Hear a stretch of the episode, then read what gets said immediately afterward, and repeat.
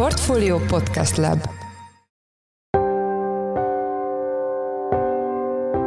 Mindenkit üdvözlünk, ez a Portfolio Checklist június 16-án pénteken. A mai műsor első részében arról lesz szó, hogy jelentős áremelkedést okozhat az élelmiszerek piacán egy új csomagolóanyag szabályozás. Az eddigi 19 forintos tojás csomagra, az a 10 darabos tojás csomag, amit mindannyian ismerünk, az 19 forint volt eddig a termékdíj, most emellé bejön majdnem 170 forint.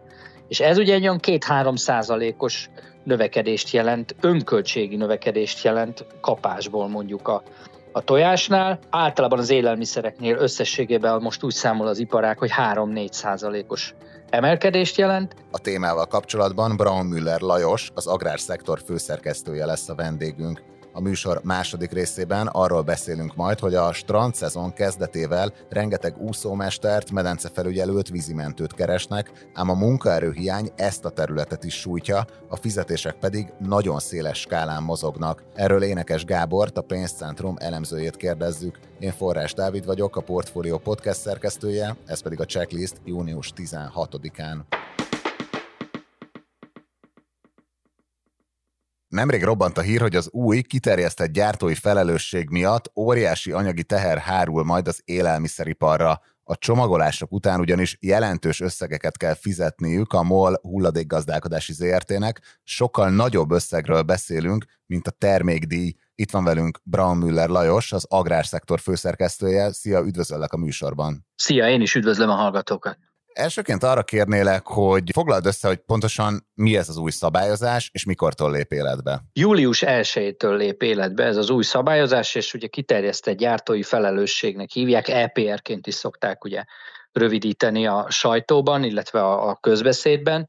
Arról van szó, hogy a szennyező fizet elvet érvényesítik a jogszabályban, ez ugye egy régi Európai Uniós, meg hát a világon máshol is érvényesített elv, ami arról szól, hogy mindazok a szereplők, gazdasági szereplők, akik szennyezik a környezetet ilyen vagy olyan módon, azokat ugye valamilyen fizetési kötelezettségre szorítják rá jogszabályokkal, és akkor ennek fényében elvileg ugye kialakul egy olyan ösztönző a gazdaságban, illetve a, jogalkalmazásban, hogy a szennyezők kevesebbet szennyezzenek, kevesebb káros anyagot juttassanak ki. Ez ugye egy általános elv a környezetvédelmi szabályozásokban. És most ugye ez a mostani szabályozás arról szól, hogy a csomagoló anyagok felhasználóit, tehát konkrétan azokat a gyártókat, akik ugye csomagolnak bármit, azokat egy pótlólagos fizetésre kötelezik, amely elvileg ugye az ártalmatlanítás, a csomagolóanyag ártalmatlanításának vagy szakszerű kezelésének a költségeit fedezné.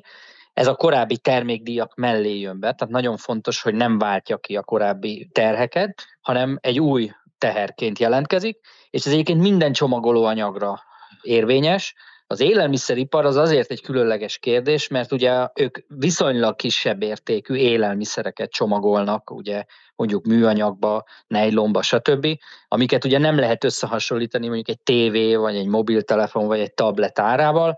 Ez ugye egy nagy okos tévé csomagolásának a költségét, azt viszonylag könnyen be lehet építeni mondjuk a televízió árába. Az élelmiszernél az itt ilyen más arányok vannak de ugye nekem tényleg, amikor bejön a klímaszorongásom, az általában akkor szokott lenni, amikor vásárolok, és 70-80-100 gramnyi élelmiszerhez veszek jelentős mennyiségű műanyagot. Mi az oka annak, hogy ennyire elterjedt a műanyag az élelmiszercsomagolásban? Hát ugye az élelmiszergyártóknak van egy olyan problémájuk is, hogy ő nekik élelmiszer biztonsági szempontoknak is meg kell felelniük.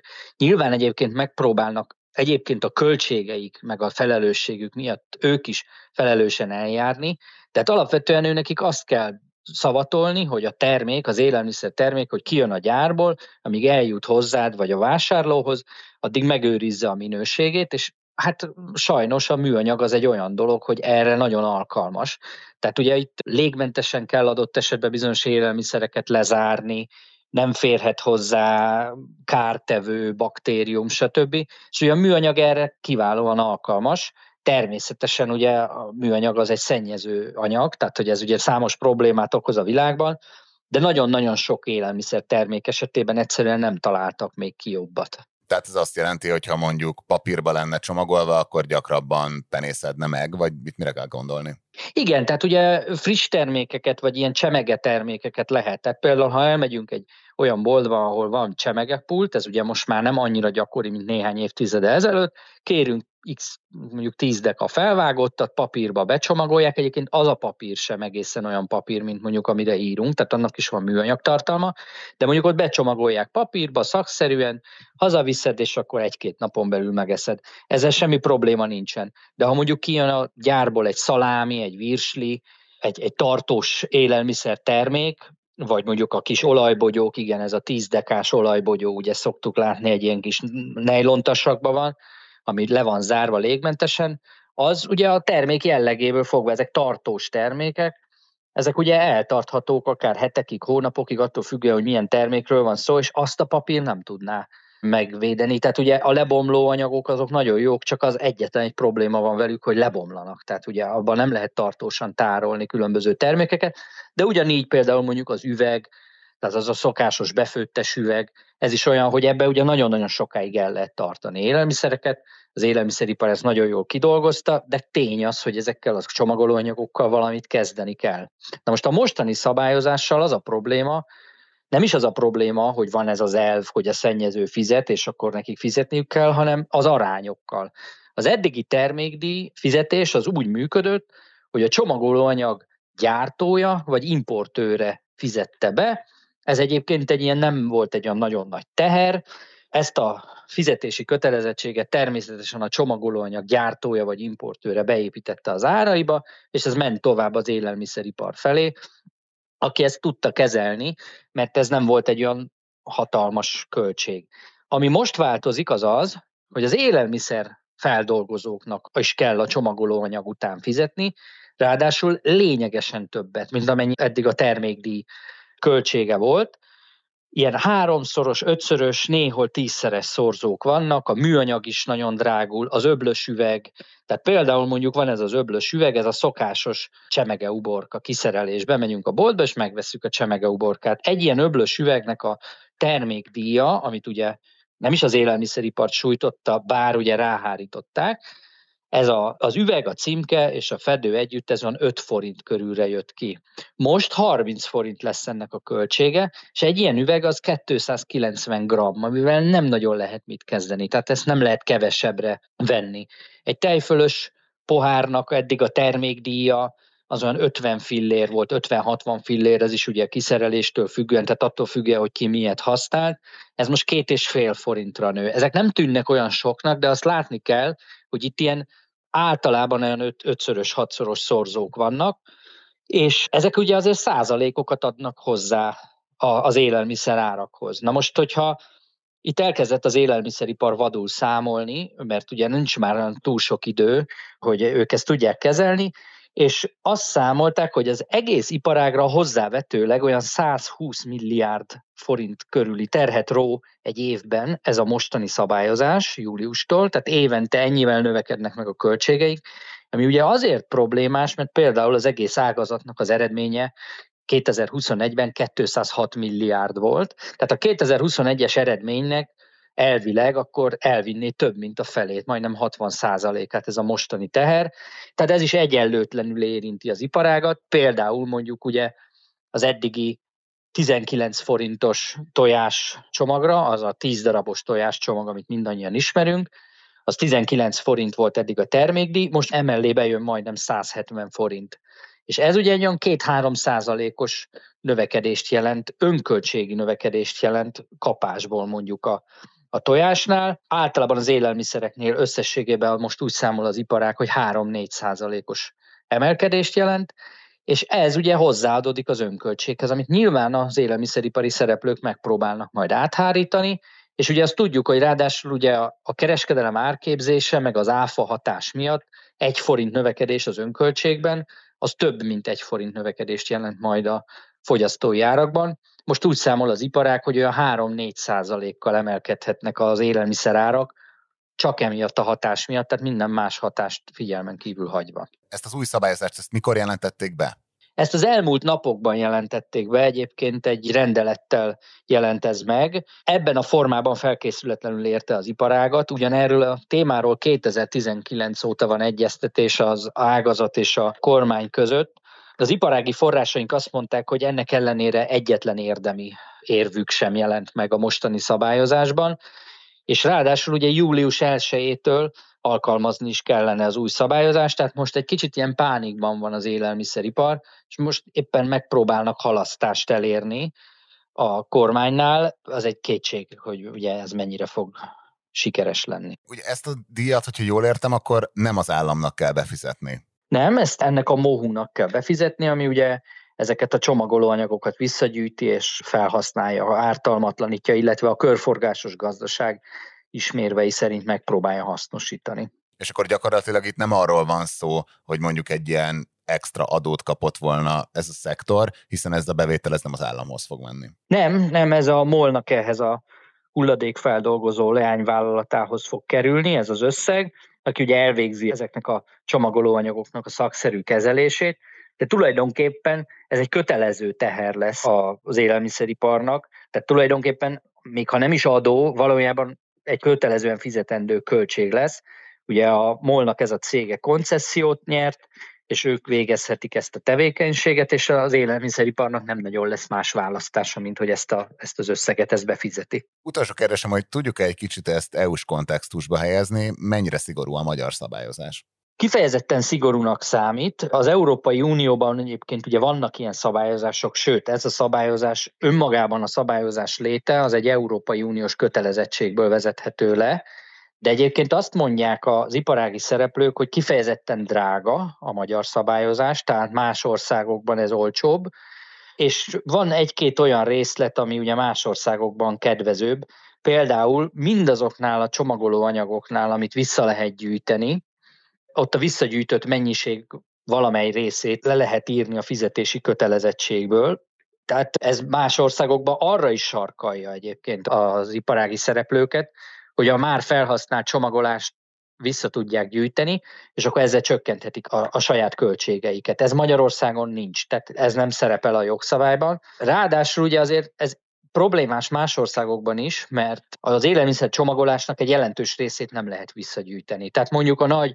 raklapos kiszerelésben érkező élelmiszereknek a zsugorfóliáit, azokat adott esetben minden további nélkül vissza lehet gyűjteni és ártalmatlanítani lehet, de ugye például mondjuk azt a csomagolást, ami az az élelmiszer hozzáért, emiatt a csomagolás zsíros lett, stb., ezt szakszerűen kell ártalmatlanítani. Tehát ezt nem lehet egyszerűen csak úgy visszagyűjteni és újra élelmiszer csomagolni ebbe. Tehát ez ezért így problémás. Ráadásul ugye más országokban például ugye olyan is van, hogy abban az esetben, hogyha a feldolgozó könnyebben feldolgozható csomagoló anyagokra tér át, akkor ott is nyer valamennyit, tehát ott is csökkenti a fizetési kötelezettségét. Itt ugye a monoműanyagokat szokták említeni, tehát az a lényeg, hogyha ugye egyfajta műanyagra áll át, az a fólia, amiben csomagolják, az egy egyfajta egységes homogén műanyag, akkor sokkal könnyebben fel lehet dolgozni, és ez ugye megint csak könnyebbség. Magyarországon ez sincs benne a jogszabályban, és ugye itt keverék műanyagokkal dolgoznak, és nem is nagyon van olyan lehetősége az élelmiszeripari szereplőknek, hogy ők akkor átálljanak mondjuk egy egységes műanyag felhasználásra, és akkor ezzel valamilyen előnyt érjenek el. Tehát igazából pont a környezetvédelmi szempont sérül, mondják az iparági szereplők.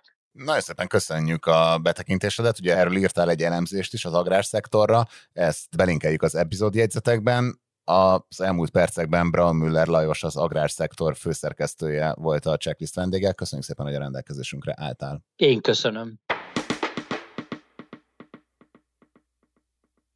Megkezdődött a strand szezon, ami egyben azt is jelenti, hogy rengeteg olyan szakemberre van szükség időszakosan, akik a biztonságos fürdőzést tudják garantálni a témával kapcsolatban. Itt van velünk telefonon Énekes Gábor, a pénzcentrum elemzője. Szia, üdvözöllek a műsorban. Szia, köszönöm szépen a meghívást, és üdvözlöm a hallgatókat. Kezdjük ott, hogy mit látsz a munkaerőpiaci adatokból. Ugye nemrég írtál egy elemzést erről a pénzcentrumra, megkezdődött már a, a nyári szezonra az úszómesterek, vízimentők, nem tudom, medencefelügyelők verbuválása, tehát hogy mennyire mutatják már ezt a, a, a számok. Igen, már javában megkezdődött. Egyébként is általánosságban elmondható, hogy az úszodamesterek és a medencefelügyelők illetve az egyéb hasonló pozíciók betöltésére feladott álláshirdetések számában azért így minden év elején, tehát már januárban megindul a, a növekedés, és utána ez a tavaszi hónapokban is kitart.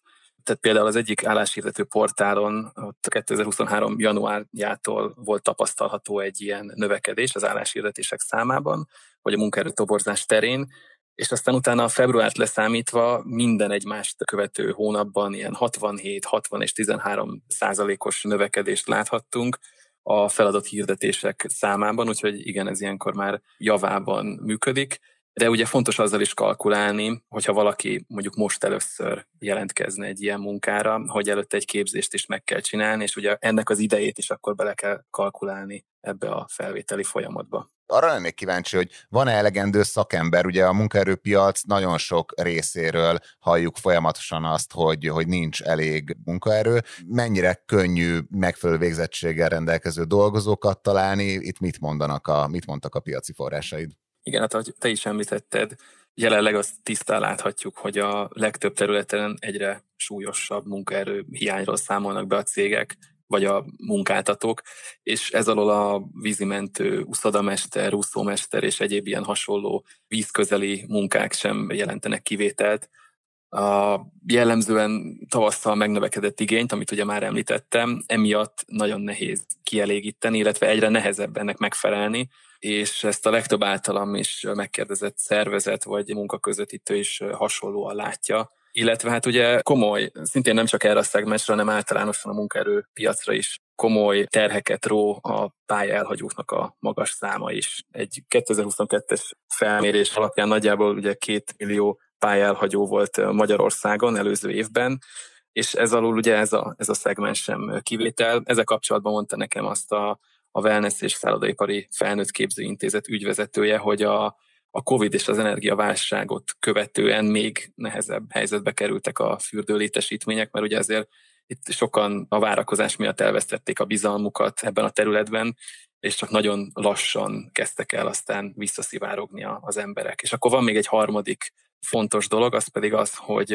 az ilyen munkaerő toborzásnál komoly problémát jelent a, a jelentkezőknek a fizikai és mentális állóképessége, pontosabban annak a, a hiánya. Tehát egyre többen panaszkodnak arról, hogy nehéz olyan munkavállalót találni, akinek megfelelő lenne akár az úszás tudása, és egyébként a, a fizikai jellemző is olyanok lennének, hogy azzal képessé válhat arra, hogy mondjuk egy ilyen vízimentő, életmentő munkát csináljon. Igen, pontosan ez milyen végzettséghez kötött, hogy valaki elmehessen, nem tudom, úszómesternek vagy medencefelügyelőnek, hogy lehet ilyen végzettséghez jutni, és akkor mik ezek az elvárások, amiknek akkor egyre nehezebben felelnek meg a, a jelentkezők a, a forrásai tapasztalatai alapján? Hát itt ugye ez fontos, hogy kizárólag engedélyezett felnőtt képző által nyújtott szakképesítés fogadható el, és ez nem tévesztendő össze az olyan felnőtt képzőkkel, amelyek egyszerűsített bejelentés alapján végeznek tevékenységet.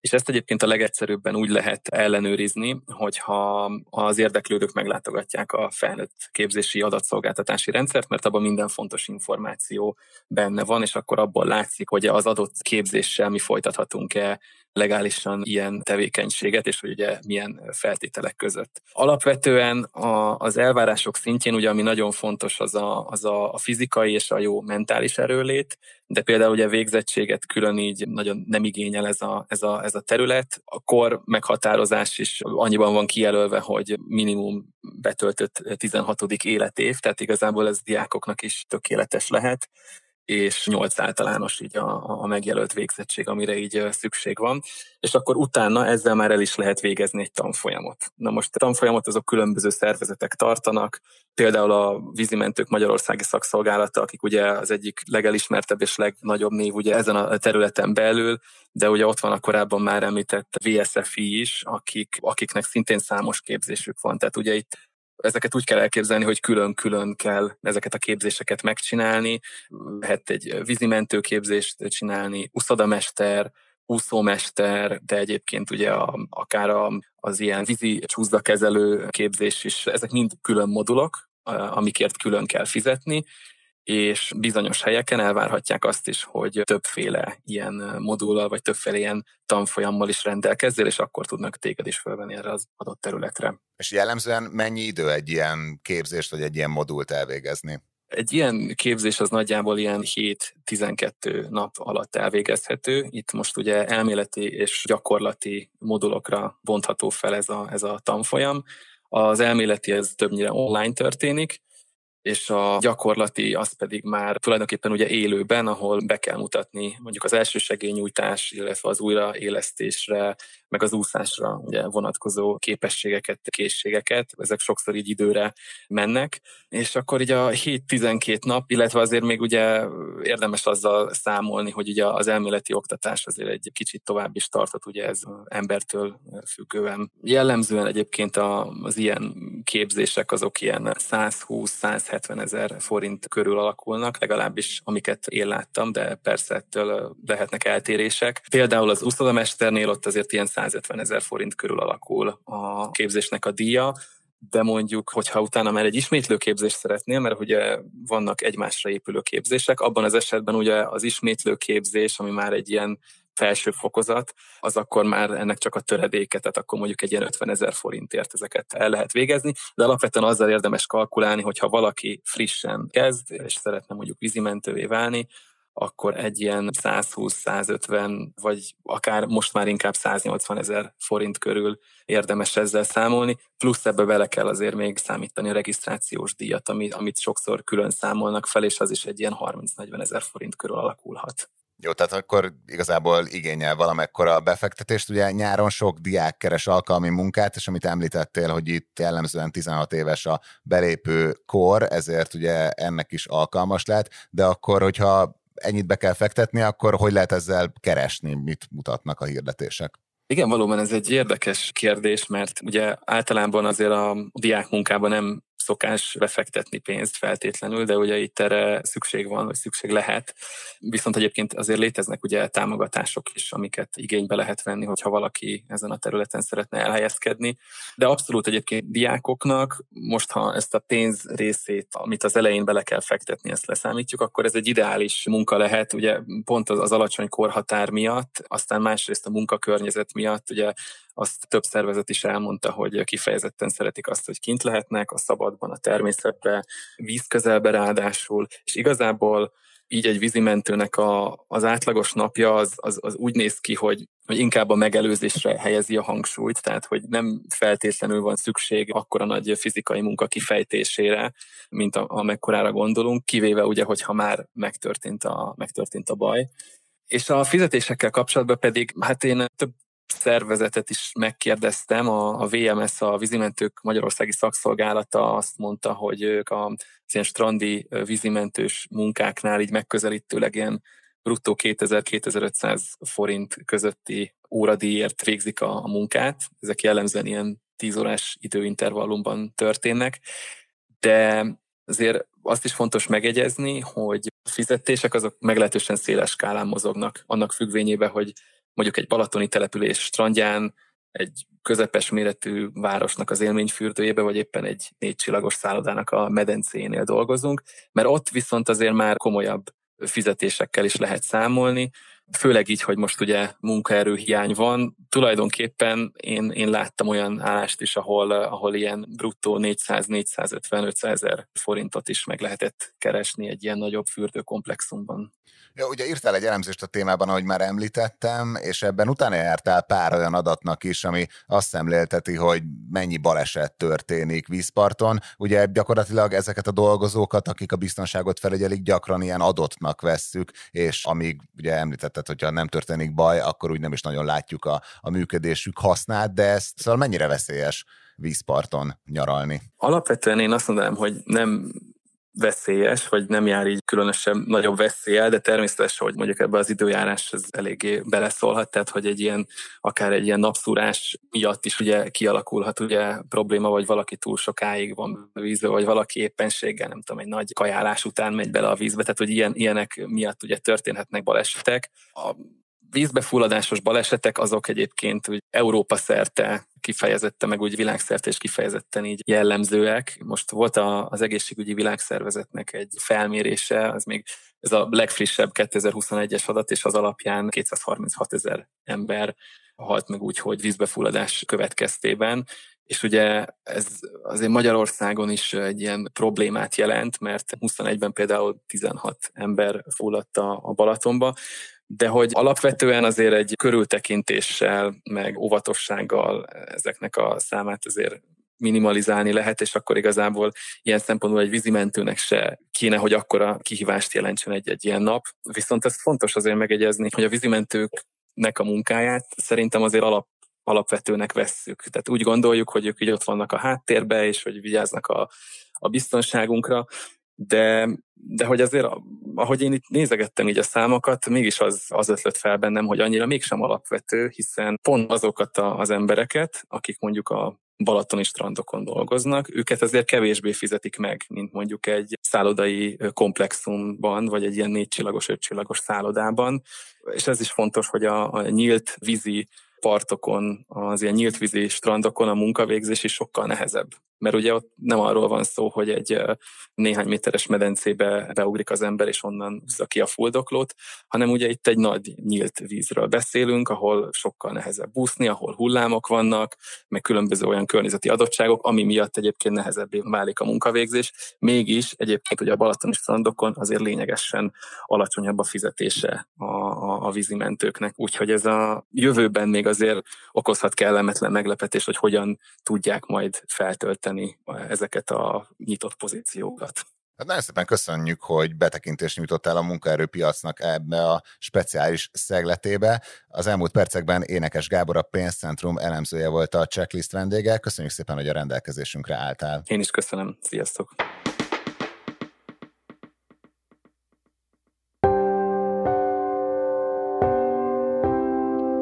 Ez volt már a Checklist, a Portfolio munkanapokon megjelenő podcastje. Ha tetszett az adás, iratkozz fel a Checklist podcast csatornájára bárhol, ahol podcasteket hallgatsz. A mai adás elkészítésében részt vett Bánhidi Bálint, a szerkesztő pedig én, Forrás Dávid voltam. Új adással hétfőn jelentkezünk, addig is minden jót kívánunk, sziasztok!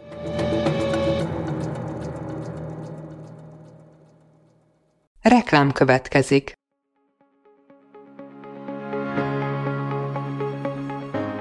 Raúl Müller Lajos vagyok, az agrárszektor főszerkesztője. Májusban két tematikus konferenciát is rendezünk Kecskeméten az agrofood szektor szereplőinek. A május 22-én tartandó Portfolio Agrofood 2024 konferencia az élelmiszeripari vállalkozások, beszállítóik, a szolgáltató cégek és a kereskedők számára nyújt egyedi betekintést az aktuális trendekbe. A május 23-án megrendezendő Agrofuture konferencia pedig egyedülálló módon tematikus formában foglalja össze a hazai agrárgazdaság fenntarthatósági követelményeit és innovációs lehetőségeit.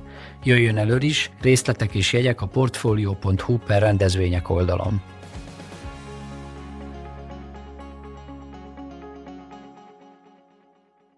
Reklámot hallottak.